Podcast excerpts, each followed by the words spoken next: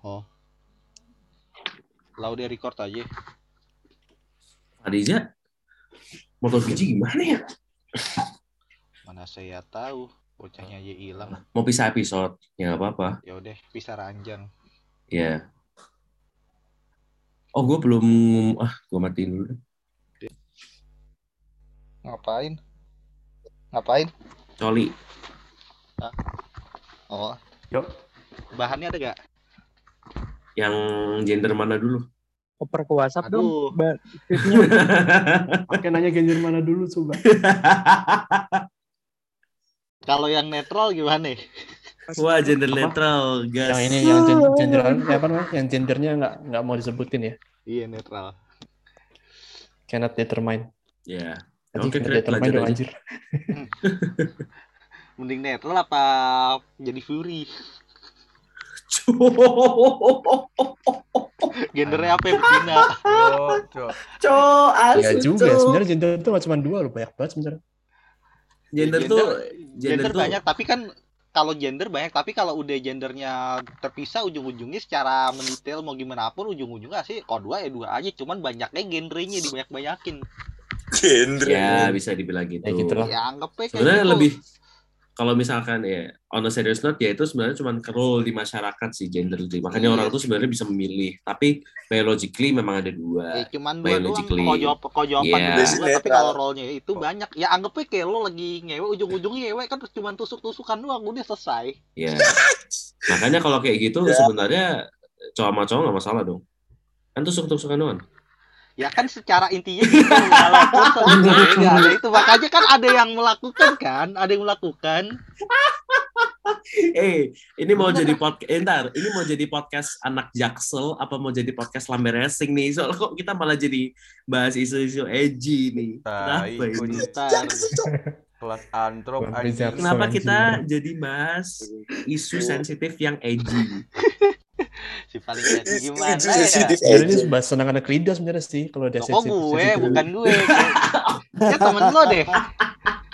Yang mana nih? Temen Jadi gue podcast mana? beji anjir. Itu edgy anjing.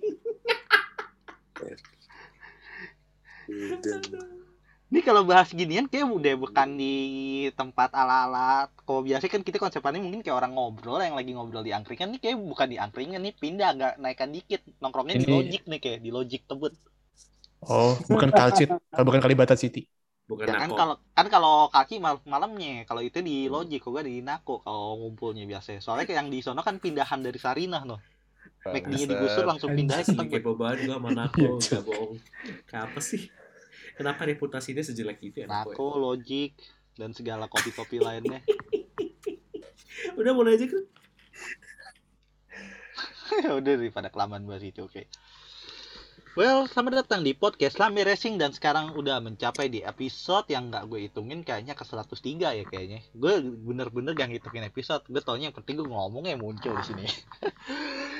Oke, jadi di hari yang sebenarnya gak cerah-cerah amat, hari yang biasa-biasa aja menjalani kehidupan yang tentu saja yang biasa-biasa aja sebenarnya di bulan September ini sesuai dengan situasi yang biasa-biasa aja. Makanya nggak semuanya bisa menikmati sampai bahkan ada judul lagu yang berjudul Wake Me Up When September Ends kita bingung juga sebenarnya mau bahas apa di episode ini sebenarnya bukan bingung karena nggak ada band tapi karena sebenarnya rame banget padat. Iya loh. jadi kita bingung fokusnya yang mau dibahas ini di mana Ka- kalian kalian harus tahu ya kita nyusun skrip sama ya kita nyusun skripnya itu lebih lama dari proses recordingnya deh kayaknya karena kita bingung kita mau masukin apa aja gimana caranya kayak kita bisa mengkongkais dan meringkas semua hmm, semua balapan yang ada di weekend kemarin itu jadi satu episode gitu iya karena kalau dibikin dua episode kita semua lagi sibuk Iya.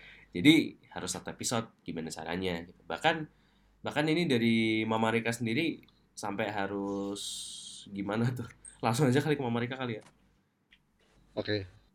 Jadi langsung aja nih dari Tanah Abrik. Karena katanya tadi lumayan chaos juga ya balapan tadi subuh ya.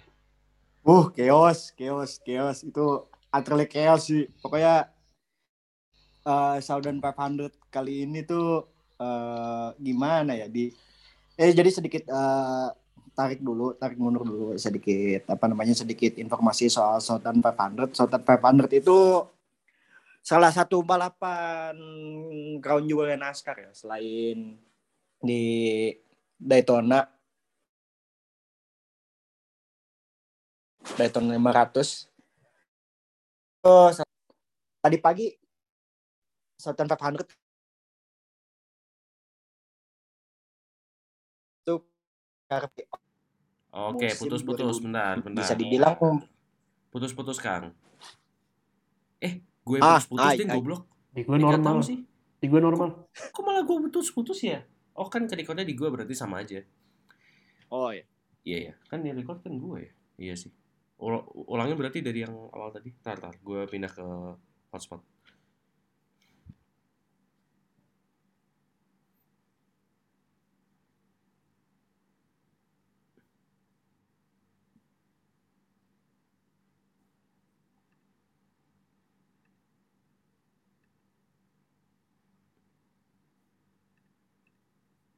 Halo, tes. Cek. ah Oh ya udah, mulai mulai lanjut, lanjut lagi, lanjut lagi. Dari awal tadi. ya jadi bener tadi pagi itu balapannya dalam tanda kutip chaos ya uh, Southern 500 pembuka dari NASCAR Playoff musim 2022 di Darlington ya Eh, sedikit tarik mundur dulu untuk sejarah uh, uh, di Southern 500 ini tuh jadi adalah salah satu balapan crown jewel di NASCAR ya selain Daytona 500 ini tuh kemarin posisinya Southern 500 ini tiketnya sold out as expected. Soalnya selain ronde pembuka juga dalam dalam kurun waktu yang cukup lama Southern 500 ini kayak gimana ya? Kehilangan inilah kehilangan daya magisnya lah. Soalnya throwback weekend itu kan dipindah ke balapan pertamanya di Darlington kan. Maksudnya kan Darlington ini kan di schedule kan beberapa tahun ini kan ada dua jadwal. Dan seharusnya di Darlington itu throwback weekendnya di Southern 500 tapi sejak tahun kemarin dipindah ke Goodyear 400 di balapan Darlington pertama di sebelum playoff. Jadi ngelihat kemarin balapannya sold out sih berasa di Southern 500 bisa jadi revival sih. Maksudnya bisa semoga aja bisa revive sih dalam beberapa tahun ke depan. Soalnya meskipun dalam tanda kutip balapannya agak boring ya karena kebanyakan train, kebanyakan single file. Tapi kalau udah leadernya tuh kena traffic tuh kayaknya udah mulai seru tuh, seru dikit-dikit, seru dikit-dikit. Dan ya utterly chaos sih sebenarnya balapan tadi pagi tuh ada yang kena isu overheating lah, ada yang nembok sampai di service di pit habis waktunya lah, ada yang mobilnya kebakar lah, ada yang mesinnya jebol lah, pokoknya segala macam ada deh. Dan in summary aja nih ya, in ya, soalnya bakal kayaknya bakal banyak dibahas di postingan tersendiri di Memang Rika Corner. Um, posisi satunya ada Eric Jones yang kembali membawa mobil PT GMS, terlebih mobil nomor 43 kembali ke Victory Lane setelah terakhir Arik Almirola membawa mobil mobil nomor 43 itu menang di Coke Zero 400 tahun 2014. Di posisi kedua ada Denny Hamlin yang tipis banget untuk apa namanya untuk bisa lolos ke ronde 12 besar karena dia pembalap playoff. Eh, sedikit note juga ya, Eric Jones ini adalah pembalap pertama non playoff yang menang di ronde pembuka playoff sejak format ini di dikenalkan ya di 2004 sebagai Chase for the Sprint Cup. Terus posisi tiganya ada Tyler Reddick, keempatnya Joey Logano, kelima Christopher Bell, uh, satu dari dua mobil Hendrick yang lolos ke yang berhasil finish di top 10. Eh enggak kok mobil Hendrick sih. Maaf maaf, maksudnya mobil Joe Gibbs Racing. Mobil Joe Gibbs Racing, Christopher Bell, terus ada Michael McDowell di posisi ke-6. Posisi ke-7 ini agak sedikit ini ya, sedikit mengejutkan ya. Soalnya kan posisi 7 ini kan Brad Keselowski. Brad Keselowski ini uh, untuk musim ini ya angin-anginan lah bisa dibilang Eh, pindah ke tim baru kan eh, apa namanya Roswell Keselowski terus di posisi 8 ada William Byron yang ya ini baru bener nih mobil hand, satu dari mobil dua mobil Hendrick yang berhasil finish di top 10 nih. Meskipun sebenarnya di stage 1 tuh dia punya kesempatan stage 1 dan stage 2 tuh dia punya kesempatan lebih gede gitu kan. Sempat duel juga sama Joey Logano sempat duel juga sama Kyle Busch. Tapi akhirnya cuma bisa finish di posisi 8 di ke-9 ada Baba Wallace yang tukeran mobil ke nomor 45 untuk em, apa namanya untuk sisa playoff ini karena mobil nomor 45 masih punya kesempatan lebih gede untuk ya championship ini punya empat mobil. Nah, empat empatnya ini tiap tiap mobil tuh masih bisa ada kans untuk menang kejuaraan gitu. Kalau driver kan dalam tanda kutip terpisah. Kalau organization, kalau organization championship tuh yang kayak Hendrick, Joe Gibbs itu masuknya organization championship. Kalau yang mobilnya doang yang nomor 45, 5, 23 dan segala macam itu masuknya ke owner championship atau tim championship seperti itu. Nah, yang mengisi top 10 terakhir ini ada Alex Bowman yang sempat apa ya, sempat hilang beberapa saat gitu ya. Maksudnya nggak nggak sempat kelihatan tahu-tahu wah lalala di posisi 10. Nanti mungkin nggak tahu in detail atau in comprehensive way gua akan sedikit banyak ngebahas ini ya ngebahas apa namanya ngebahas di Saturn 500 ini sebelum akhirnya kita ke Richmond lagi kalau nggak salah Richmond atau mana gitu lupa Richmond atau Kansas gitu untuk balapan peringatan 9/11 9/11 yang ya bisa kita tahu sendiri adalah the mungkin salah satu the dark the, darkest day in United States ya kita lihat aja lah gimana nanti ke depannya untuk kelanjutan ronde 16 besar ini. Paling segitu kalau dari NASCAR, kalau dari IndyCar sendiri eh, tiga dalam tanda kutip tiga pembalap ya yang masih bisa bukan tiga pembalap bahkan empat pembalap yang masih kok empat sih? Lima bahkan lima pembalap yang masih bisa senggol-senggolan untuk merebut gelar juara championship IndyCar Championship di ronde terakhir di Laguna Seca setelah Scott McLaughlin memenangkan balapan di Portland GP. Uh, untuk top 10 sendiri di IndyCar ada McLaughlin, Will Power, Scott Dixon posisi Will Power di kedua, Scott Dixon ketiga, Pat Howard keempat, Graham Rahal kelima, Colton Herta keenam, Alex Rossi ketujuh, Joseph Newgarden ke delapan, Callum Aylott ke sembilan, dan Felix Rosenqvist ke sembilan. Untuk loyalis Jimmy Johnson, mohon tidak menca untuk tidak mencari apa yang tidak ada di top 10 ya. Cukup sekian, terima kasih. Jadi itu dia kata-kata penutup yang sangat manis dari salah satu fanboynya Jimmy Johnson yang sampai sekarang masih stres kalau ngeliatin jagoannya di IndyCar nasibnya kayak gimana. Asu. So kita mungkin udahan ya bahas tanah Amerika karena kayaknya udah gak ada bahasan lagi soalnya kalau mau bawa masalah di IndyCar kalau bahasnya malah Jimmy Johnson nanti malah ya ngedon lagi kayak enak bocah kasihan. Diketawain mulu jagoannya kan kasihan gitu.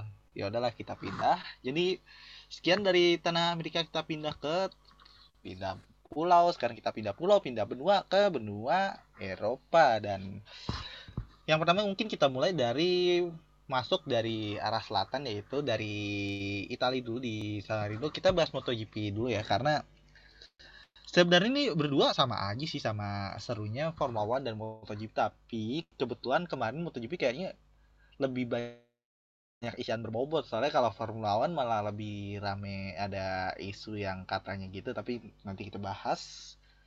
Karena kayak fokusnya sekarang di Formula One lebih fokus ke berita soalnya di akhir-akhir ini beritanya lagi gacor-gacor. Makanya untuk bahasan race-nya sebenarnya ya jadi agak ke cover karena kurang heboh kurang obong-obong kalau dibandingkan sama berita-berita update-update apa yang terjadi. Dan mungkin itu kita bahas nanti.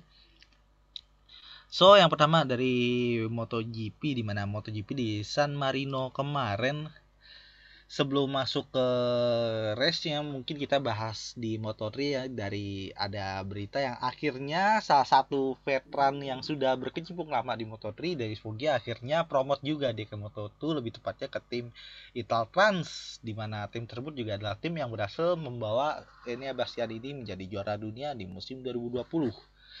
Lalu di race tersebut juga sebenarnya race kemarin gue gak nonton tapi ada beberapa ada beberapa highlight yang bisa diangkat. Yang pertama mungkin kabar yang mungkin agak ya agak kurang mengenakan dari perwakilan Indonesia di mana Mario Aji kemarin headset dia sampai digotong dibawa ke medical center. Tapi alhamdulillah rider oke dan juga udah clear.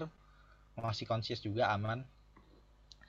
Dan kemarin juga Garcia yang apes dia mistake lalu malah crash dan kena kena black flag dia. Akhirnya championship lead-nya untuk di kelas Moto3 akhirnya lepas ke Guevara di mana Guevara sekarang sudah berhasil memimpin puncak klasmen dan di Moto2 sendiri kemarin sebenarnya sayang sih. Jadi di Moto2 sendiri akhirnya yang dimenangkan oleh Alonso Lopez yang akhirnya bisa meraih kemenangan juga. Udah lumayan lama juga dan posisi kedua ada Aaron Canet dan ketiga ada si Agus Augusto Fernandez dan sebenarnya di race kemarin sih ini gue sayang banget. Karena Vietti lagi lagi dan lagi kayaknya nih anak botolnya parah banget dia. Gue bingung sama anak sejak pertengahan musim sampai sekarang dia malah lebih sering panen mistake. Dan kemarin di Misano dia membuat mistake lagi. Setelah dia membuat mistake yang membuyarkan peluang dalam pertarungan juara dunianya dia di musim ini di Red Bull Ring kemarin dan kemarin di Misano dia bikin mistake lagi di mana ya sayang sekali. Sepertinya dia kayak kutukan korban home GP atau mungkin malah kutukan VR46 karena kebetulan nyaris semua yang VR46 relate pada tumbang semua kayaknya di Moto3 dan Moto2 di mana Mikio juga tumbang. Di MotoGP juga. Eh, tapi kan ada P4 noh.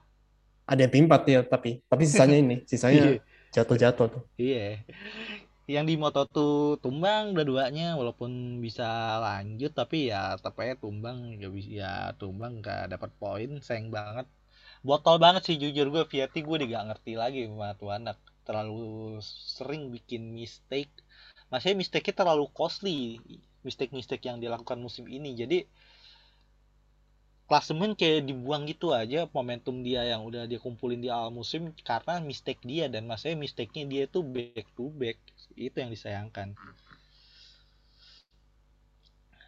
Dan setelah itu mungkin yang bisa diangkat lagi dari kemarin Alonso Lopez yang menangkan balapan terus selebrasinya juga kalau gak salah mecahin kaca gak sih Iya dia dia sa- shield- saking shield- bahagianya sih sampai hmm, antusias nggak sengaja tuh ini windshield depannya tuh dipukul-pukul sama dia sampai langsung pecah bener-bener langsung pecah langsung di track itu. Hmm, antusias banget dia emang udah udah lama banget sih gue lupa gue lupa dia kapan terakhir kali menang kayak udah lebih dari Ini kayak first win dari tahun. Moto2. Iya di moto tuh di- dia lama banget terakhir menang gue lupa kapan Entah di Moto3 kayak terakhir atau udah pernah ya. Tapi kayak udah lama sih kayak akhirnya denger Alonso Lopez lagi kayak dulu tuh jago di Moto3 terus sekarang pas main ke Moto2 wah dia langsung bagus lagi gitu tiba-tiba gitu. Ya gitu masuk ke tengah-tengah loh bukan masuk awal-awal si Alonso Lopez ini. iya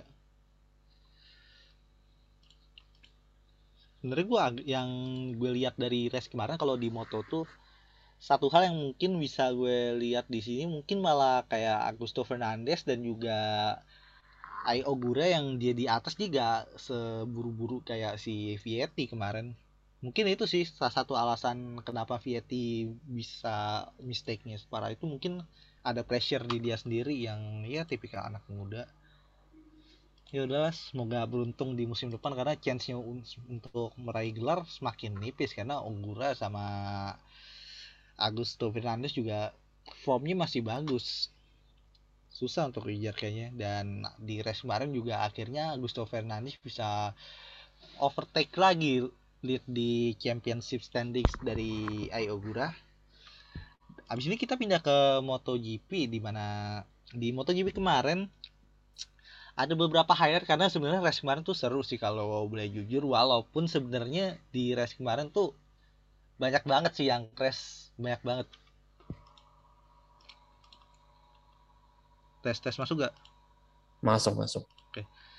yang mungkin kalau bisa gue sebut yang pertama langsung di tikungan pertama pembalap wildcard Ducati Michel Piro langsung jadi korban. Dia korban kok gak salah dia sama Zarco tuh sama satu lagi gue lupa yang pasti Sama itu gara oh ya sama Paul Espargaro yang diawali dari bad start Zarco yang berujung pada senggolan dengan Brad Binder di mana Binder lagi Binder lagi yang ulah korbannya tiga biji lagi Tapi Binder selamat gitu masalahnya kotaknya. Iya, masih bindernya yang selamat. Kayak kayak tahun kemarin lah di Algafre adeknya kan juga gitu. Sekarang abangnya gantian. Kebalik dong malah dia duluan baru abangnya. Iya. Tapi sampai digotong lupa kemarin sampai di lap awal di lap kedua itu masih sempet di sektor pertama sempet waving yellow flag itu lama banget. Saya emang separah itu sampai masuk tim medis mau digotong. But luckily driver ridernya dua-duanya masih aman dan masih sehat walafiat gak ada problem yang berarti kayaknya karena sejauh ini belum ada berita yang aneh-aneh juga sih dan di race kemarin juga di samping crash festival yang rame banget dan juga nggak cuman rider-rider yang kejebak di papan tengah lagi rusuh di tengah tapi juga yang lagi lead balapan karena Jack Miller di mana hari Sabtu dia berhasil menjadi pole sitter sayangnya untuk di hari Minggu nasib berkata lain karena dia crash Di lap kedua crashnya. iya di lap Dan, kedua. dan lucu ini gini, ini kan habis replaynya ini, replaynya Zarco, Piro sama Hmm, Paul. Kelar replay tahu-tahu udah ada Ducati jatuh. Makanya Itu bahkan orang tuh kayak bikin panik dulu nggak sih? Kayak orang bisa mikir nih Peko gitu. Nah cuma untungnya Miller, tapi tetap aja nggak untung sih. ya tetap aja Tetep soalnya sama-sama Ducati juga sayang di Ducatinya walaupun sebenarnya gak, gak begitu ngaruh juga soalnya walaupun si Miller jatuh mungkin secara tim rugi tapi secara pabrikan masih gitu untung soalnya masih ada ini Bastian ini di belakang di belakangnya dia kemarin sih sebenarnya gimana ya?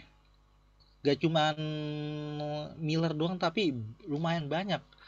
Ada beberapa mungkin yang bisa disebutin. Yang pertama mungkin dari kelas MotoGP yang crash nih banyak banget. Di mana korbannya ini langsung loh. Ada Michel Piro sama si Zarco tadi Paul Espargaro kena. Terus juga ada Morbidelli yang gue bingung Perbedaannya sama Fa- Fabio Di Gian Antonio. Tapi ini nggak diri Iya. nggak diliatin sama sekali. Iya, nggak diliatin. diliatin. Tapi di Jantonio masih lanjut lagi. Si di Jantonio masih lanjut dan Franco Morbidelli akhirnya gimana ya? Gue gue bingung nih orang. Dia dia gak pernah kelihatan selama dia naik ke pabrikan Yamaha. Bahkan kelihatannya kayak Fabio Quartararo dia nge-carry pabrikan sendiri. Sekalinya teammate-nya muncul malah highlight dia lagi crash. Kemarin enggak sih malahan. Kemarin bener-bener nggak kelihatan. Kayak bagusnya di quali deh kayak Morbidelli Iya. kemarin. Iya, dia, dia kelihatannya cuma di kuali doang, makanya gue bingung juga bisa-bisanya tumben-tumbennya tembus nih anak, padahal biasanya gak ngapa-ngapain. Sebelum gue sadar kalau oh iya kan di Misano tempat latihannya bocah-bocahan VR46, anak-anak Padepo kan latihannya di situ semua. Nah tapi pada jatuh tuh. Kecuali yang P4. Kecuali Pemprov sama yang menang juga sih. Oh iya dan di race kemarin mungkin satu hal yang mungkin bisa gue angkat di sini karena sebenarnya race kemarin itu ada beberapa highlight di mana yang pertama ada Maverick Vinales yang bisa konsisten lagi di mana akhirnya dia bisa meraih podium walaupun susah buat ngejar Enea dan juga Peko di depan tapi performanya masih oke. Dan juga Luca Marini yang sebenarnya jarang disorot tapi performanya dalam dua balapan terakhir lumayan oke juga dia bisa memaksimalkan performa dari GP22 dan bisa dibilang untuk seseorang yang dikatain sebagai sebagai spesialis San Mori, sebagai abang-abangan San Mori, sebagai duta San Mori akhirnya sekarang sudah mematahkan anggapan itu karena dalam musim ini sejak di France Grand Prix penampilannya sudah mulai improve dan udah mulai langganan finish di atas top 10 bahkan sejak France Grand Prix hanya dua kali race di mana ia finish tidak berada di posisi di atas top 10 yaitu ada di Silverstone dan juga di Asen dan di race kemarin juga menjadi tanda kalau Peko sebenarnya nih orang gimana ya?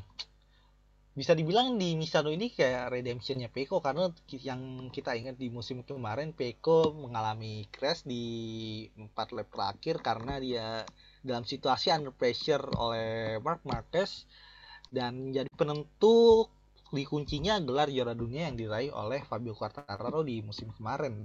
Dan kalau kita lah kalau kita lihat lagi redemptionnya Peko ini juga menunjukkan kalau Peko ini masih kuat dan mungkin bisa dikasih title kalau dia ini spesialis second half yang panasnya telat banget. Telat banget tapi kalau sekarang bisa dibilang nggak telat banget sih.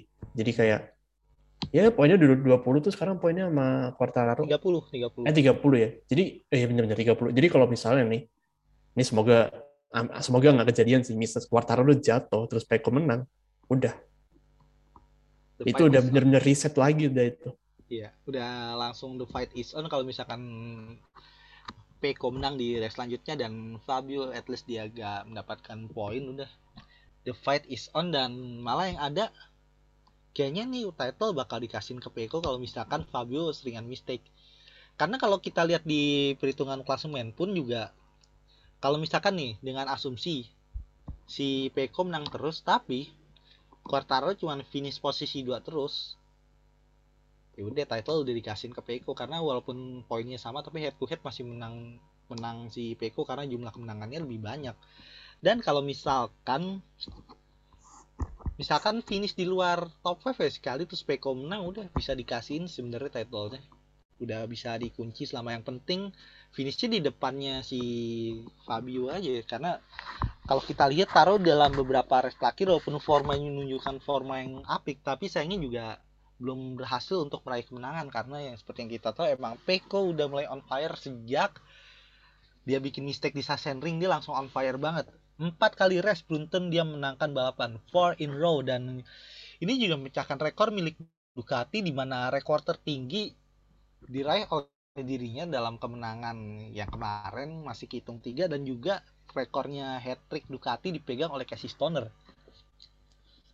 Sekarang pertanyaannya apakah bisa mengejar Quartararo secara matematika? Bisa namun secara kalau kita lihat dari situasinya kita nggak tahu. Walaupun mungkin tidak menutup kemungkinan jika Peko masih ada chance untuk mengejar gelar juara dunia.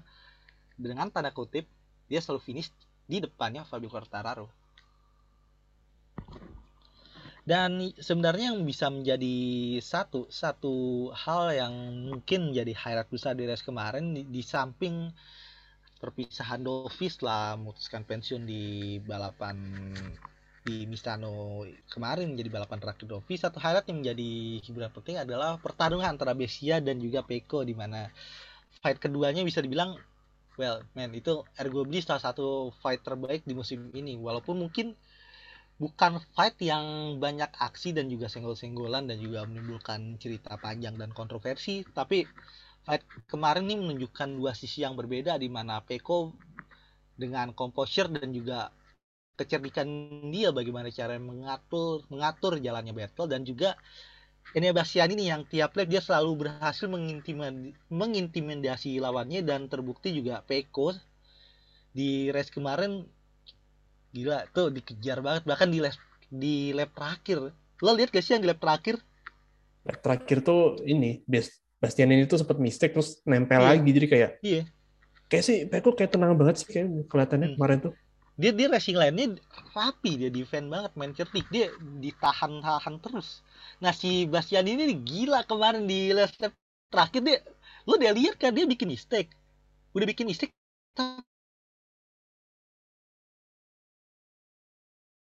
juga ya, padahal tadi satu sektor gila tuh orang dan gue juga bukan berarti Bastian ini walaupun nggak menang dia bikin mistake walaupun he's fast but he's not the winner. Tapi kalau gue bilang dari race kemarin dua-duanya pemenang sih. Peko menang- memenangkan pertarungan tapi da- dan juga dapat piala tapi Enya juga menangkan pertarungan. Karena dia juga berhasil menunjukkan kalau dia itu worthy sebagai seorang rider yang mampu untuk mengisi slot yang ditinggalkan oleh Jack Miller. Karena Ducati sendiri juga membutuhkan seseorang yang kompetitif karena sudah bertahun-tahun mereka membangun motor yang paling advance di MotoGP namun sayangnya masih belum ada rider yang pantas bukan pantas tapi belum ada drive rider yang bisa membawa Ducati menjadi jauh lebih sukses dan juga merangkul gelar juara dunia. Dan mungkin saja dengan kehadirannya Bastian ini ini mungkin bisa jadi sebuah jawaban juga karena performanya yang mantep dan juga gila sih kemarin kayak serem banget. Dan lo kalau nontonin dari pertengahan race sampai akhir tuh kayak deg-degan gak sih kalau nontonin? Mulai pas ini sih kan awalnya kan dari P3 awalnya si Bastian ini itu. Iya. sempat kesalip hari ini malah sempat itu. Terus belum lama langsung disalip balik eh tahu-tahu langsung ngejar finalis. Dapat abis itu. Iya dapat final terus langsung. Peko nya ngejar. Hmm, Peko dapet nah habis itu udah habis itu udah mulai kontrolnya dari pegang sama Peko tapi gila itu.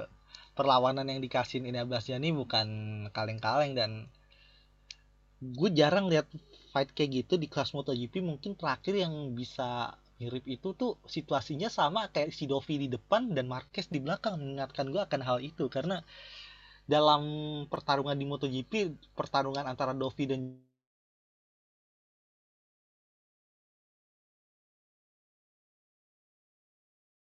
posisi. Dan kemarin juga sama walaupun ujung-ujungnya yang menang Peko tapi kita udah ngeliat kalau Enea Bastian dia punya potensi besar dan Ducati gak salah memilih dia dibandingkan Jorge Martin. Takutnya tahun depannya sih. Nah itu jadi dia perang dingin di- jadinya. Hmm, itu dia menarik kalau kita lihat musim depan apakah bakal sukses atau mungkin bakal menjadi Rossi Lorenzo jilid 2 itu dia yang akan menjadi masalah karena kebetulan dua-duanya adalah rider muda yang sama-sama memiliki ambisi untuk meraih gelar juara dunia. Oke, sebelum kita pindah ke bahasan F1 sebagai penutup, race kemarin adalah race terakhir dari seorang Andrea Dovizioso dan seorang Andrea Dovizioso mungkin bukan rider yang tipikal dia ada rider yang mempunyai reputasi yang besar seperti Valentino Rossi atau Marc Marquez dan dia juga bukan rider tipikal yang menangan seperti Marc Marquez yang punya gelar banyak atau mungkin seperti Valentino Rossi yang berakhir menjadi cult besar di dunia motorsport. Andrea Dovizioso adalah gue bisa bilang ini sebagai salah satu at least legenda salah satu yang paling underrated di MotoGP walaupun mungkin dia gak pernah mendapatkan title tapi dia, dia sudah mempunyai legasinya sendiri sebenarnya title ada sih di kelas Di mo- 125 250 ya Iya. Dia menang pas 2004 pas angkatannya si Lorenzo juga Lorenzo Stoner 2004. nah itu the man who beat Lorenzo sih The Man Who Beat Lorenzo walaupun sebenarnya justru di saat itu malah Lorenzo yang mendapatkan spotlight besar. But Dovi being Dovi selalu menjadi underdog di dalam pertarungan dan dia ini underrated kalau gue bilang sih. Bahkan karirnya di MotoGP dia awalnya ketika bergabung di Gear Scott formanya juga bisa dibilang sebagai debutan lumayan impresif walaupun sayangnya Lorenzo tampil lebih lebih bagus karena ya pabrikan beda Gulanya tinggi. bahkan dapat podium sih eh, si Dovi itu di tahun pertamanya itu bahkan pakai Gear Scott itu bahkan Iya di Sepang, gue inget banget di Sepang dia dapat podium pertamanya pas itu.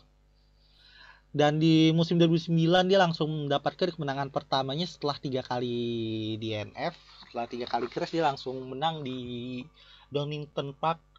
Dan di musim 2011 sayangnya menjadi musim terakhirnya dia di pabrikan.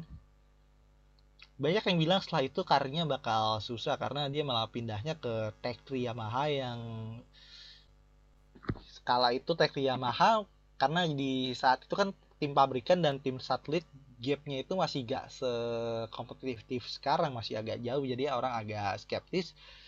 Setelah dia dibuang oleh Honda dalam tanda kutip karena adanya aturan nggak boleh mem- tidak memperbolehkan motor lebih dari dua untuk full season karena ketika itu Repsol Honda motor 3 namun Dov- Dovi memberikan bukti langsung bisa dibilang 2012 adalah salah satu musim terbaiknya dengan bermodalkan motor Tech 3 doang, motor tim satelit, tapi dia bisa membawa tim tersebut menjadi langganan podium sih bahkan di musim tersebut. Walaupun sayangnya belum pernah meraih kemenangan.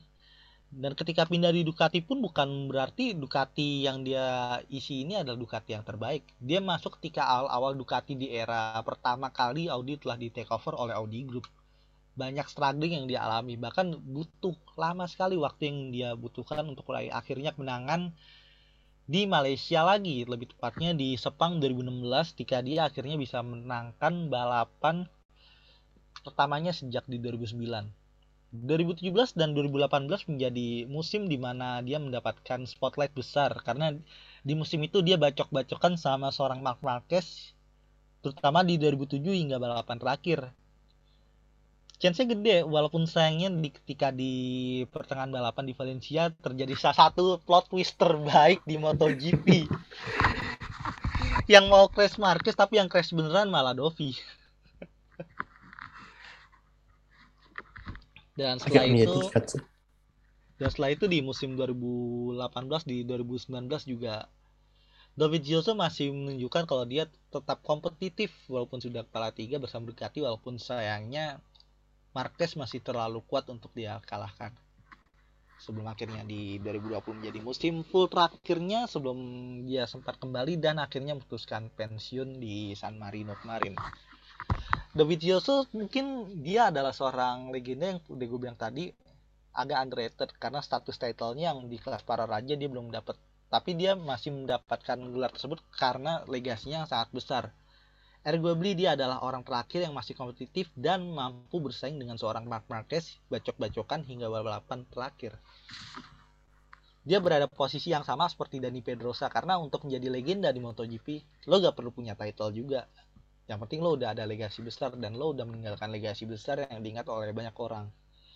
Salah satu momen yang paling memorable di kalangan fans MotoGP terutama yang udah mulai ngikutin dari era setelah eranya Marquez Rossi setelah Sepangtes salah satunya adalah Dovi ini seperti kayak, kayak dia ini susah buat disalip di tikungan terakhir terutama sama Mark Marquez karena selalu dibalikin sama Mark Marquez, sama si Dovi tiap Mark Marquez ngambil tikungan terakhir selalu dibalikin di switchback sayang sekali di musim terakhirnya Dovi mengalami struggling seperti rider-rider lainnya mengendarai Yamaha. Yamaha bukan motor yang bersahabat dengannya dan juga ia pun mengakui hal tersebut. Taro sudah turun tangan tapi sayangnya masih kurang. Semakin cepatnya persaingan di era seperti ini juga membuat jiwa kompetitif Dovi sudah bukan seperti Dovi di tahun-tahun sebelumnya. Bukan Dovi 2017 dan juga bukan Dovi yang pick bisa mengalahkan seorang Mark Marquez. Sulit untuk melihat orang-orang yang mungkin bisa sama seperti Dovi karena Dovi ini adalah gabungan antara smart rider dan juga dia tenang. Dia punya ketenangan yang membuat keunggulan dia di antara driver lainnya di samping ketenangannya dia juga cerdik dalam mengendalikan situasi satu rider yang bisa dinotis mempunyai kesamaan dengan Dovi saat ini adalah Peko Bagnaia yang sekarang saat ini sedang bertarung di klasemen memperebutkan gelar juara dunia dengan Fabio Quartararo. Walaupun terdapat satu perbedaan di mana Peko belum pernah bisa bersaing bacok-bacokan langsung dengan seorang Mark Marquez. Ciao Dovi, grazie Dovi, enjoy your retirement sekarang saatnya kita pindah langsung ke balapan selanjutnya di Formula One yang sebenarnya kemarin kalau mau jujur kurang ya Mickey Mouse nggak sih? Nggak sih, nggak juga sebenarnya. Mickey Mouse sebenarnya kayak build-nya dari awal sampai pertengahan di F1 tuh kurang rame sih sebenarnya kalau gue bilang agak garing Agak garing paling lucunya di Ferrari sih gitu. aja kan udah Iya, jadi template soalnya- sekarang. Soalnya gini loh, soalnya kita semua tuh udah sudah tahu ya kalau yang bagus di situ ya bakal Max Verstappen gitu. Dan kebukti benar gitu. Even after all the fiasco yang terjadi kemarin juga ends up-nya tetap Max Verstappen yang juara kan. As expected. As expected. Jadi ya kita udah kayak ke bas lah apa gimana ya? ya udah tau lah gitu kayak udah ke spoiler dalam tanda kutip lah jadi mungkin hype-nya nggak bisa naik banget di kitanya gitu. Gitu sih. Tapi ya apart from that gitu memang ada beberapa poin menarik sih dari kebadutannya siapa? Dari kebadutannya Ferrari bahkan Mercedes pun ikut-ikutan badut juga ya kemarin. Karena akhirnya badutnya pindah, badutnya Iya. pindah malah ke Mercedes. badutnya pindah ke Mercedes. Ya gitu sih. Sebenarnya ya langsung aja kredit mungkin nggak banyak kali ya. Agak terlalu banyak sih dari Formula One karena nih bahasanya juga ya gitu gitu agak lempeng sih. Kayak yang gue bilang di awal karena sebenarnya yang bikin panas F1 sekarang bukan karena race-nya ini yang untuk dibahas tapi lebih ke berita-beritanya sih yang bikin heboh.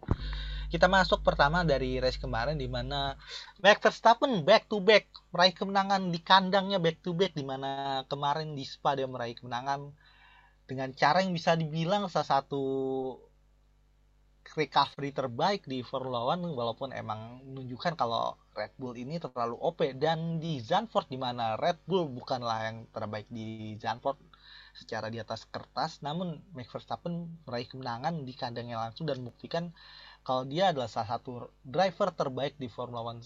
Bukan salah satu dia menunjukkan kalau dia driver terbaik di Formula One saat ini RWB ya bener sih.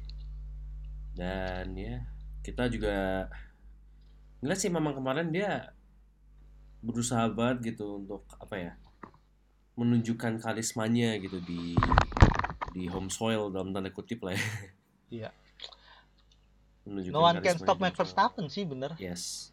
Gak Even- cuman di forma di track tapi di luar track pun juga no one can stop him terlihat Yes. dari banyak banget animo yang diperlihatkan oleh para pasukan Shopee yang hadir di tribun Pasukan langsung. Shopee. Jakmania anjing.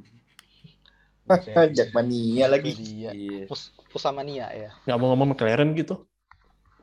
Hmm. Hah? Ada yang ngefans sama McLaren emang? Iya. Ngefans Apa-apa? ngefansnya ke drivernya. Aduh. Nah itu ngefansnya ke drivernya, bukan ke timnya. Cek DM, cek DM. McLaren Lando Norris Mercedes. Waduh. Oh, Wah, jadi ini poin banget inputnya. ikutin, nggak ikutan kalau Tuh, itu. gak ikutan deh. Tahu ah. So, jadi di, di Ah, kemarin kalau gue kalau gue bilang sebagai race-nya Max Verstappen pun enggak karena selama pertengahan balapan malah justru dikuasai oleh Mercedes yang agak gambling di pertengahan di awal balapan pakai medium di awal dan berhasil sih strategi mereka pace off juga di pertengahan balapan dan terlihat mereka mempunyai momentum lebih untuk menangkan balapan. Di samping secara performa untuk di Zandvoort ini Mercedes terlihat kuat karena untuk di sektor kecuali di sektor straight dan juga di area Luindek di area Luindek turn yang banking itu Mercedes kuat. Kuatannya dari situ. Salah satu yang menjadi mungkin salah satu alasan kenapa Max bisa menangkan balapan salah satunya ada strategi yang dilakukan oleh Red Bull ini. Call-nya ini tepat. Agak menunggu tapi pas. Walaupun sedikit dibantu oleh beberapa hal yang katanya tim LH44 wah konspirasi nih konspirasi nih. Dikatain konspirasi. Konspirasi di parah sih sampai nyerang personal sampai akhirnya turun tangan juga tim Alpha Taurinya juga. Sebenarnya kalau lucu-lucuan kayak ya lucu-lucuan gitu kayak wah ada apa nih, ada apa nih, itu fine lah. Tapi kalau udah sampai nyerang nyerang orang gitu-gitu, ngirimin hate comment, hate speech, harassment gitu dah. Itu keterlaluan sih. A Ya kalau buat asik-asikan lucu-lucuan fine deh. Buat ceng-cengan gitu oke lah. Tapi kalau yang sampai nyerang seperti itu merugikan orang lain itu dah. aduh Tapi ya gimana ya? Yang terjadi di Sunoda kemarin itu sebenarnya bukan suatu kesengajaan juga Iya. sih. Sebenarnya emang rusak justru beneran iya, justru Sunodanya yang apes menurutku. Jadi iya ceritanya gini, dia kan awalnya ngira ban belakangnya itu nggak terpasang. Belakang kiri ya kalau kiri nggak kiri salah. kiri Nah, belakang kiri dia berhenti tuh di pinggir lintasan udah berhenti udah matiin mesin udah copot seat belt ternyata sama engineer-nya udah dicek ternyata bannya terpasang dengan sempurna. Ya udah akhirnya dia lanjut lagi kan dia restart mobilnya dia jalan lagi. Tapi yang namanya seat belt seat belt itu harus dipasang dan pasang seat belt itu nggak bisa sendirian kalau di mobil balap. Ya bisa sendiri tapi nggak akan perfect nggak akan safety, nggak akan bisa nahan G-force yang segede itu kalau di mobil balap. Makanya dia masuk pit lagi, selain ganti ban dia juga uh, kencengin seatbeltnya yang orang-orang pit crew-nya pada bantuin dia masang itu. Yang jujur agak sus sih. Sus dalam tanda kutip.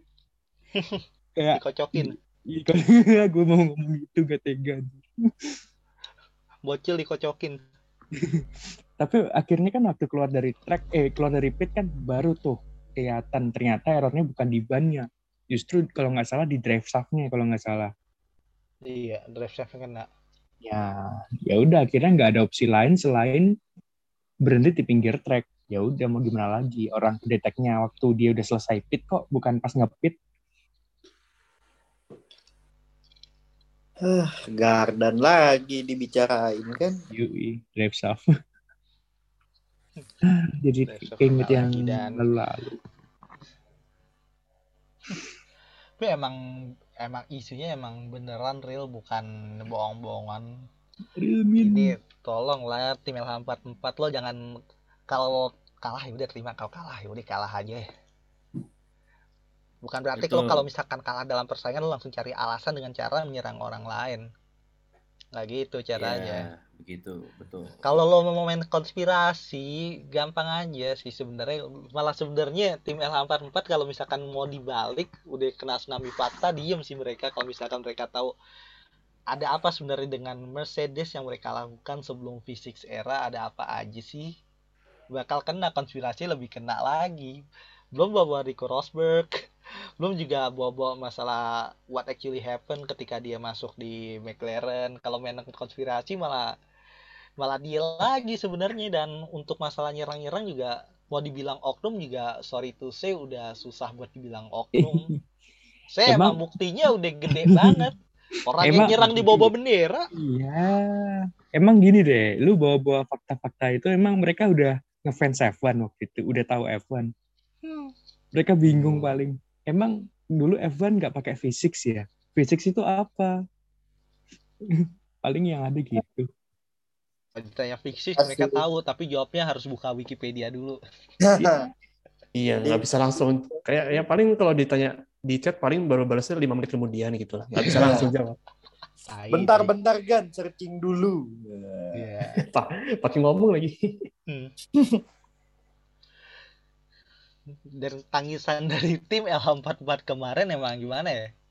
Situasinya juga kalau kita urut dari pertama dari bau-bau sus yang ada dari Red Bull akhirnya bisa make the right call untuk masukin Max Verstappen pit karena agak kebantu situasi virtual safety car.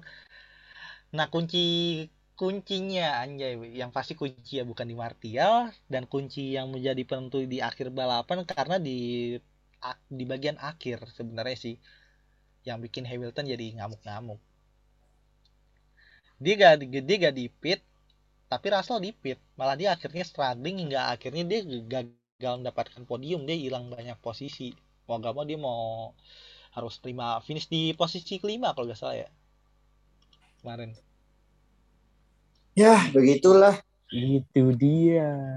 Mundur pelan-pelan bosku. Ya, mundur teratur eh keempat nih keempat dia masih Kalau- di atas iya. Seko singkat gua kalau in defense-nya Toto Wolff sih katanya memang ya mereka Situasional. lebih memilih untuk ngambil risiko itu daripada settle for second gitu loh ngerti nggak? iya Tapi si, settle for situasinya juga di sih. pit sih Iya. tapi understandable banget sih. Masalahnya gini, gue paham kenapa mereka stay out karena mereka punya track position gitu dan P1 P2 kan udah udah ada Lewis di P1, Russell ada di P2, semuanya pakai ban medium yang relatif baru, belum lama-lama banget. Dan ya misalnya Max Verstappen bisa ngejar, mereka mikirnya Russell at least bisa ngedelay selama beberapa lap gitu, ngedelay nahan Verstappen.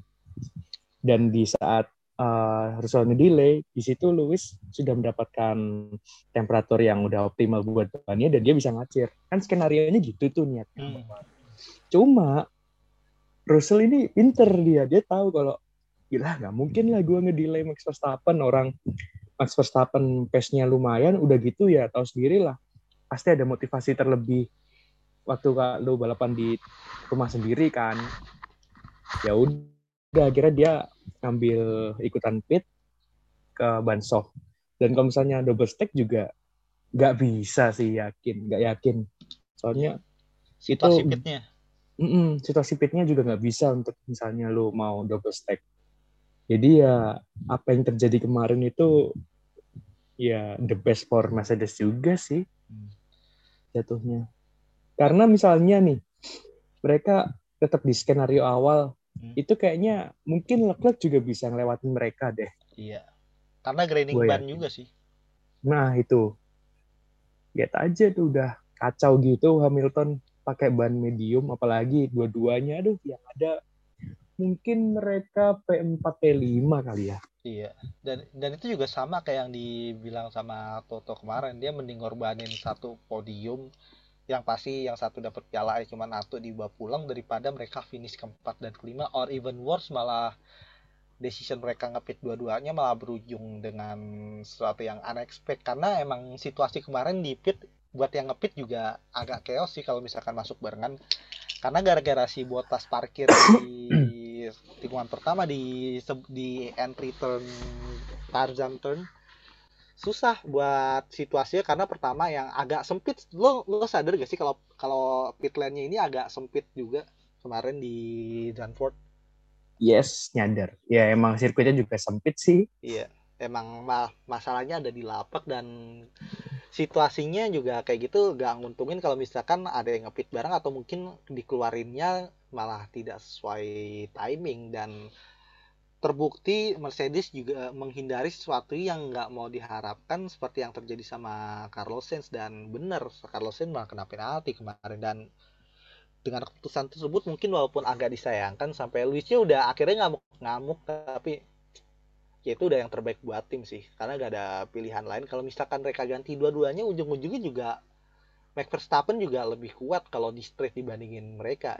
Dan ketika restart kemarin pun juga pinter juga Max Verstappen bisa nyolong-nyolong walaupun panas-panas juga no tim LH katanya wah curang no nyalip kan harus lewat harus lewatin finish line dulu itu sebelum finish line lewat Verstappen dia nahan dulu loh pinter dia ngambilnya baru habis itu diambil pas udah Kayak ngelewatin pas sudah mepet banget ya. Pas Iya. sudah di garis tuh kayak udah udah, ditahan udah ya udah bener-bener di belakangnya banget gitu lah. Kayak foto finish lah gitu kalau Iya. misalnya ini.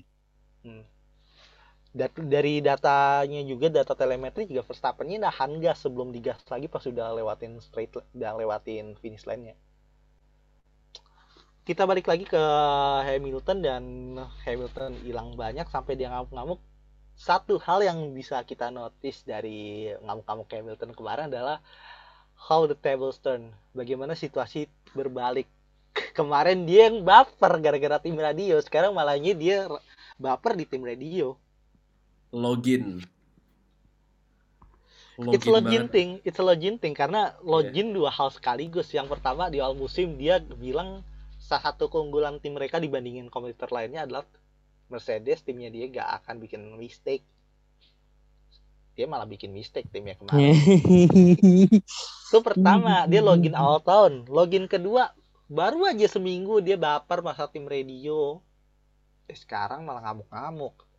Habis itu dia juga langsung itu dia langsung klarifikasi juga di press conference bilang sorry kayak gitu bla bla bla bla karena intes bla bla bla. Gue gak bilang gitu. Sebenarnya kok gimana ya? Alasannya simple banget.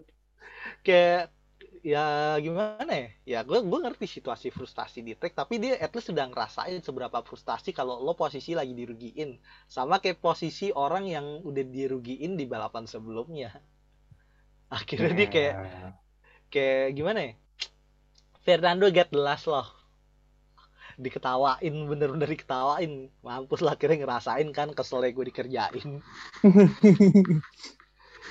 Aduh. Walaupun badutnya berganti, akhirnya muncul satu pertanyaan yang sebenarnya menjadi bagian dari what if juga sih. Karena seorang Lewis Hamilton, wa- walaupun dia lama bekerja di tim yang menjadi rival dari Ferrari, tapi siapa sih yang nggak punya impian untuk membalap bersama tim Ferrari? What if kalau misalkan Lewis Hamilton yang baru dikerjain sekali gitu ngamuk-ngamuk balap di Ferrari yang bolak-balik ngebadut? Aduh, pensiun dini paling. cabut cabut ini cabut sebelum musim terakhir kayak pros Iya. pensiun di ini ya aduh Ferrari tuh aduh gimana ya kayak tiap race tuh ada aja Mak, yang lucu-lucu dan kemarin itu itu lucunya aduh nggak masuk akal sih. Masalahnya gini-gini kalau misalnya strategi melucu mungkin masih masuk di nalar lah ya. Misalnya dia miskalkulasi data atau bla bla bla. Atau misalnya mesin tiba-tiba jeblok ya itu masuk akal banget. Namanya mesin buatan manusia pasti ada batasan reliability-nya kan. Maksudnya masih masuk akal. Lah ini yang kemarin kok bisa gitu loh ngepit itu satu orang yang megang ban kiri belakang itu malah standby di depan mobil. Lu ngapain cok? Dia nyadar nih dia salah posisi. Dia mau balik ya nggak bisa susah. Karena apa? Karena orang-orang udah pada di standby udah pada gercep ganti ban dan lain-lain dia bingung mau lewat mana. Makanya telat. Yang lucunya lagi itu Wildan kenapa bisa keinjek PRS dah naruh sembarangan sama aja kayak lu lagi Itu. lagi mas lagi malu gitu tapi kayak Hmm? aku lu taruh sembarangan terus keinjek orang kan. Masalahnya ini Wildan ngapain dia taruh di situ? Ya Allah kok bisa gitu loh. Aduh. Gue malah curiganya itu yang Wilgen tuh kayak salah satu bagian dari shithousery-nya Ferrari Kayak- kayak musim kemarin kan Red Bull sama Mercedes kan sering banget gitu. Nah kebetulan musim kemarin malah Ferrari yang berhasil Lalu juga shithousery kayak gitu gak guna juga. Ngapain lo ngerjain Sergio Perez? Apa gunanya sih buat championship juga? Iya juga. Itu makanya. Lu Justru yang gue kasihan di Sensi sih. Iya makanya. Itu aduh hadiah ulang tahun sih benar-benar dikasih surprise tuh sama satu tim. Dikasih surprise apa namanya ban tiba-tiba lupa posisi. Gue masih ngangka anjir. Itu kok bisa yang megang ban standby di depan mobil? Lu ngapain anjing? Dia ya, itu, ya itu ngeprank. Kan kalau prank-prank ulta tuh gitu. Tipikalnya. Itu lu ngapain goblok? Ya Allah. Ngepranknya niat banget. Tuh masa dia gak cuma sekali lo ngepranknya. Yang kedua dia ngepranknya yang pas lagi pit stop rame-rame. Nah itu Salah satu alasan kedua. Mercedes gak mau nge-pit stop dua-duanya karena dia gak mau kejadian Ferrari yang terjadi sama Sainz terjadi. Dan Sainz kemarin tuh terjadi. Dia malah ngeluarin mobilnya karena situasi emang pitnya emang sesempit itu kayak gang senggol. Malah ngepitnya dia nyaris nabrak mobil Alpine gara-gara gitu. Akhirnya dia hilang 5 second turun tiga posisi. Nah itu. Lu bayangin baru baru kelar pit mau keluar tiba-tiba duar ada Alonso di samping. Untung agak untung agak kayak Arianto dulu tuh yang mobilnya sampai nyangkut. Untung yang ini kalau ini masalahnya sesama Spanyol nih aduh. Masa Iya. iya saling lempar-lemparan puta gitu kan? Goblok. iya masa iya. Terus ntar propaganda reality 3D-nya gimana dong? Propaganda Spanish Fans propaganda bingung belain yang mana karena iya makanya goblok tapi, tapi percuma sih kalau misalkan face propaganda mau nyala-nyalain ujung-ujungnya malah bersatu nyalahin Ferrari. Karena emang blundernya emang di SDM-nya Ferrari. Iya kacau. Itu aduh itu Hmm. kemarin blendernya nggak masuk nalar sih itu. Sumpah nggak gua ngakak sepanjang malam. Nggak nalar sama sekali. Tapi kalau kita lihat dari blundernya Ferrari ini juga membuktikan kalau Ferrari ini emang mau gimana pun juga udah gak bisa di defend lagi sampai akhirnya seorang Binotto pun yang biasanya dia berani banget pasang badan layaknya seorang leader akhirnya sekarang dia udah nyerah udah menerima kenyataan bilang di depan media kalau kita sering banget bikin mistake emang segoblok ini kok kita oh udah nggak denial lagi? Terakhir denial soalnya kabar Udah. di Spa. Udah kan gue gue kan gue share tadi sore beritanya. Oh Sudah udah nyerah. udah nyerah udah dia beda iya. Udah beda itu apa namanya? Beda fase gitu. Kan fase pertama denial fase kedua tuh anger. Mungkin dia sekarang di fase dua tuh dia kan marah sampai bilang kalau Crofty tanya itu barusan kejadian apa? Si Bido tuh jawab kacau bro. Kayak bener-bener udah udah gak habis udah gak ada kata-kata gitu loh udah kehabisan kata. Jadi kocak sih.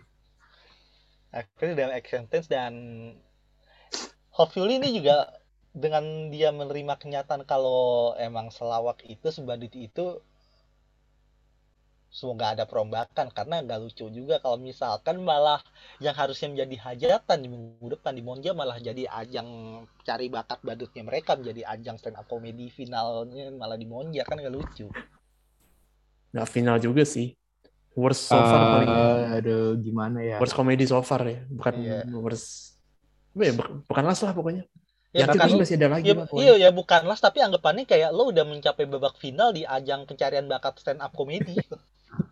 Tapi gini, kalau di Monza enaknya, misalnya Ferrari ngebadut, itu tinggal datengin aja tuh, tinggal digeruduk aja tuh, Iya. itunya feedboxnya. Kan di Ah, Monza iya. biasa dibuka no tribunnya udah langsung diserbu sih. Langsung digeruduk aja. Lah ya juga nggak. Yakin masih ngebadut di Monza, dilemparin tomat yang ada tuh. Lempar tomat dong. Untung Ya masa lempar lempar botol pipis. Gue yakin, kominfo. tapi gue yakin besok di Monza pasti banyak tifosi yang bawa tomat buat dilempar. Atau apalah buat dilempar. Gue yakin. Lempar flare sih kayaknya. Tapi lempar flare ke garasi coba. lempar flare ke garasi. Untung lempar flare. Coba lemparnya bensin oktan 89 nanti harganya dinaikin. Ya, dinaikin apa apa di, gak dibolehin sama negara? Iya, Apa harganya di sliding tackle? iya. Dilarang oleh negara. Yeah.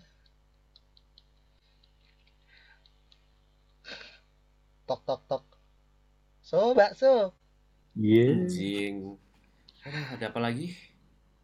Mungkin ada beberapa bahasan yang mungkin sebenarnya agak kurang penting juga walaupun mungkin bisa diangkat seperti yang pertama.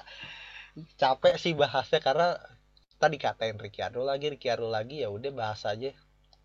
Dia finish posisi 2 dari paling belakang. Padahal teammate-nya dia bisa fight sama Fernando Alonso dan juga Ocon bisa ribut di tengah-tengah pas teammate-nya finish dua dari belakang. Udah gak bisa dibela lagi bingung gue. Oh ini yang kode 717 ini. Iya. Itu itu lucu loh btw. Maksudnya gini, eh, sa- timnya tuh tahu dia nggak punya pace untuk finish lebih baik. Akhirnya dia dikasih pit stop berkali-kali dengan ban yang antara Ban soft receh. medium soft medium gitu. Hmm. biar niatnya tuh lebih ken- biar agak kencengan gitu yang lainnya mungkin pakai hard gitu ya udah lu gue kasih soft tapi pit dua kali ibaratnya gitulah Hmm. demi biar lebih cepat daripada yang lain cuma ya sama aja sih kayaknya Sama aja. And even worse bahkan satu-satunya driver yang finish di belakang dia cuman Latifi dan dia udah di overlap dan dia Latifi juga bikin mistake juga kan. ya Masalahnya itu malah finishnya dia dua posisi dari belakang. Even lo McLaren, McLaren pun juga bukan McLaren yang terburuk. Ini bukan McLaren Honda 2015 apa 2017. oh no Ini no McLaren yang bisa podium di Imola loh. no Bu, aduh. Ya tapi mohon maaf sih, ini, ini kalau orang udah nganggap Lordnya Latifi, ini second Lordnya berarti Ricciardo dong kalau udah kayak gini nih. Ah, bukan gue yang ngomong ya, gue ikutan. Tapi Ya kan fun fact persepsi maksudnya. Hmm. tapi fun fact ya gua kan ada data lab comparisonnya maksudnya fastest lab comparisonnya Oh, iya. antara du- Ricciardo sama Norris Hmm. Ricciardo di sektor 2 diobok-obok sama Norris gapnya jauh banget banget sumpah Si- Saya pendekatan dari Ricciardo sama si Norris untuk di sektor yang agak flowing, kalau boleh jujur lebih menang si Norris. uh bener gapnya jauh banget Sejauh itu. ya Iya. lumayan deh Ya, untuk ukuran Formula One yang harusnya untuk ukuran yang driver bisa dibilang dalam tanda kutip seorang winning, seorang driver pemenang tuh jaraknya udah jauh banget loh. Untuk ukuran seorang pemenang loh. Waduh. Kritik gak akan muncul kalau misalkan Ricciardo skillnya mungkin ya sekelas kayak at least kayak Latifi or Mazepin or even worse mungkin kayak driver-driver receh lainnya yang pernah ada di Formula One seperti ada Jody Van der Gaart dan segala macem. Tapi he's again Ricciardo seorang race winner orang yang katanya bisa bersaing tuh by itu dengan Max Verstappen. Max Verstappennya dapat satu title Ricciardo. Udah bangga banggain no piala Monza itu kalau kata bahas Aduh. sejarah aja udah lah. kalau Vettel tuh, itu tuh momen manis itu. tuh. aduh kalau kata fansnya nih katanya mereka mau ngerampok MTC buat ngambil piala Monza soalnya itu itu doang yang dibagi ya itu doang bisa dibanggain karirnya udah formnya hancur ujung-ujung itu doang Gak ada yang bisa Ricciardo satu saja driver yang bisa membawa McLaren menang setelah 9 tahun bla bla bla bla makan no konten TikTok. konten TikTok, Twitter, ya gitu yang ngedukung banyak lagi yang ngedukung. Iya sih paling deserve banner. Bisa Twitter ya. Kayak disalahin McLaren ya. Justru malah Iya, McLaren yang kasihan. Iya kasihan. Tapi alhamdulillah McLaren ini malah dapat Piastri loh gratis. Yo, menarik Dan- ini. Gantinya sama Australia dan walaupun ag dalam tanda kutip agak ironi juga karena mau gimana pun juga si Piastri ini kan relate gak cuman karena Australia tapi karena agennya ini adalah Mark Mark Webber. Webber yang dulunya Nah. digantikan oleh Ricciardo yang dibilang sebagai Uh, uh, suksesornya. Iya, iya bener nih. Gue baru nyadar. Ini kayak pa- passing the torch-nya ini yang lem kayak ngoper obornya ini bertahapnya benar-benar literally bertahap secara direct, secara langsung dari Mark Webber ke Ricciardo dan dari Ricciardo ke Piastri. Dalam urusan perpindahan seat benar-benar passing the torch beneran passing the torch.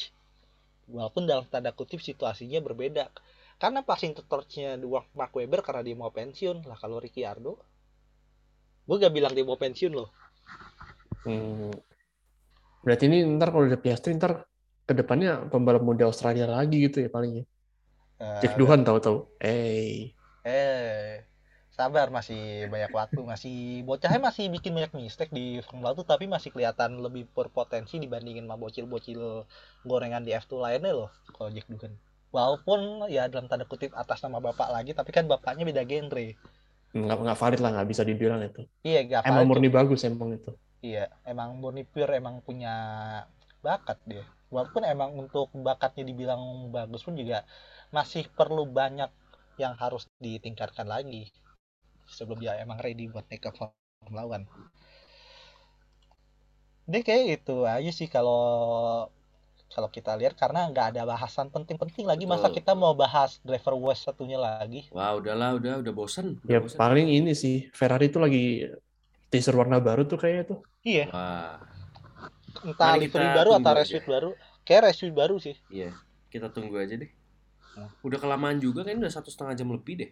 Iya, udah satu setengah jam lebih dan Tutup mungkin kayak beberapa highlight dari berita yang bisa kita angkat mungkin seperti dari pecahnya rencana konsi Red Bull Porsche yang akhirnya gak jadi. Terus juga ya udah akhirnya udah minta maaf sih si Daniel Ricciardo udah clear problemnya sama Piastri dan juga Mark Webber. Udah ngerti tiganya situasinya dan juga Mark Webber minta maaf. Mark Webber sama Piastri ke Ricciardo karena situasinya kayak gitu juga. Nggak mau membuang situasi untuk menempatkan seorang driver muda berbakat untuk mendapatkan seat F1 situasi emang kayak gitu dan membuktikan kalau Formula One emang bukan di tempat di mana lo bisa enak-enakan dapat seat lo bangga sepanjang tahun lo bisa membalap even seorang Lance Stroll pun juga sebenarnya dia posisinya under pressure berat walaupun dia punya tim loh. Iya, ya gitulah. that's Formula One for you. Even Yes. lo punya crowd yang besar punya jutaan fans yang banyak yang sangat fanatis tapi lo gak akan bisa bertahan kalau misalkan performa lo mengecewakan. Enjoy the show dan siapa pun yang terbaik dialah yang keluar jadi pemenang. Pemenang bukan siapa yang paling cepat atau yang paling banyak menang tapi penang pemenang juga adalah orang yang jarang melakukan error Udah? jadi itu aja untuk bahasan di episode kali ini karena bahasannya bingung juga bahasa apa Ya, sebenarnya udah. Thank you. Thank you semuanya and see you in the next episode. See you at Monza episode yang 103. which is ini balapan yang agak curse untuk siapa pun yang redemption di balapan Ah, Monza. hahaha, iya juga ya. Mari kita tunggu siapa korban Hati-hati. redemption selanjutnya. Hati-hati di Hati-hati Monza. menang di Monza. And ciao. Hati-hati. Di Monza.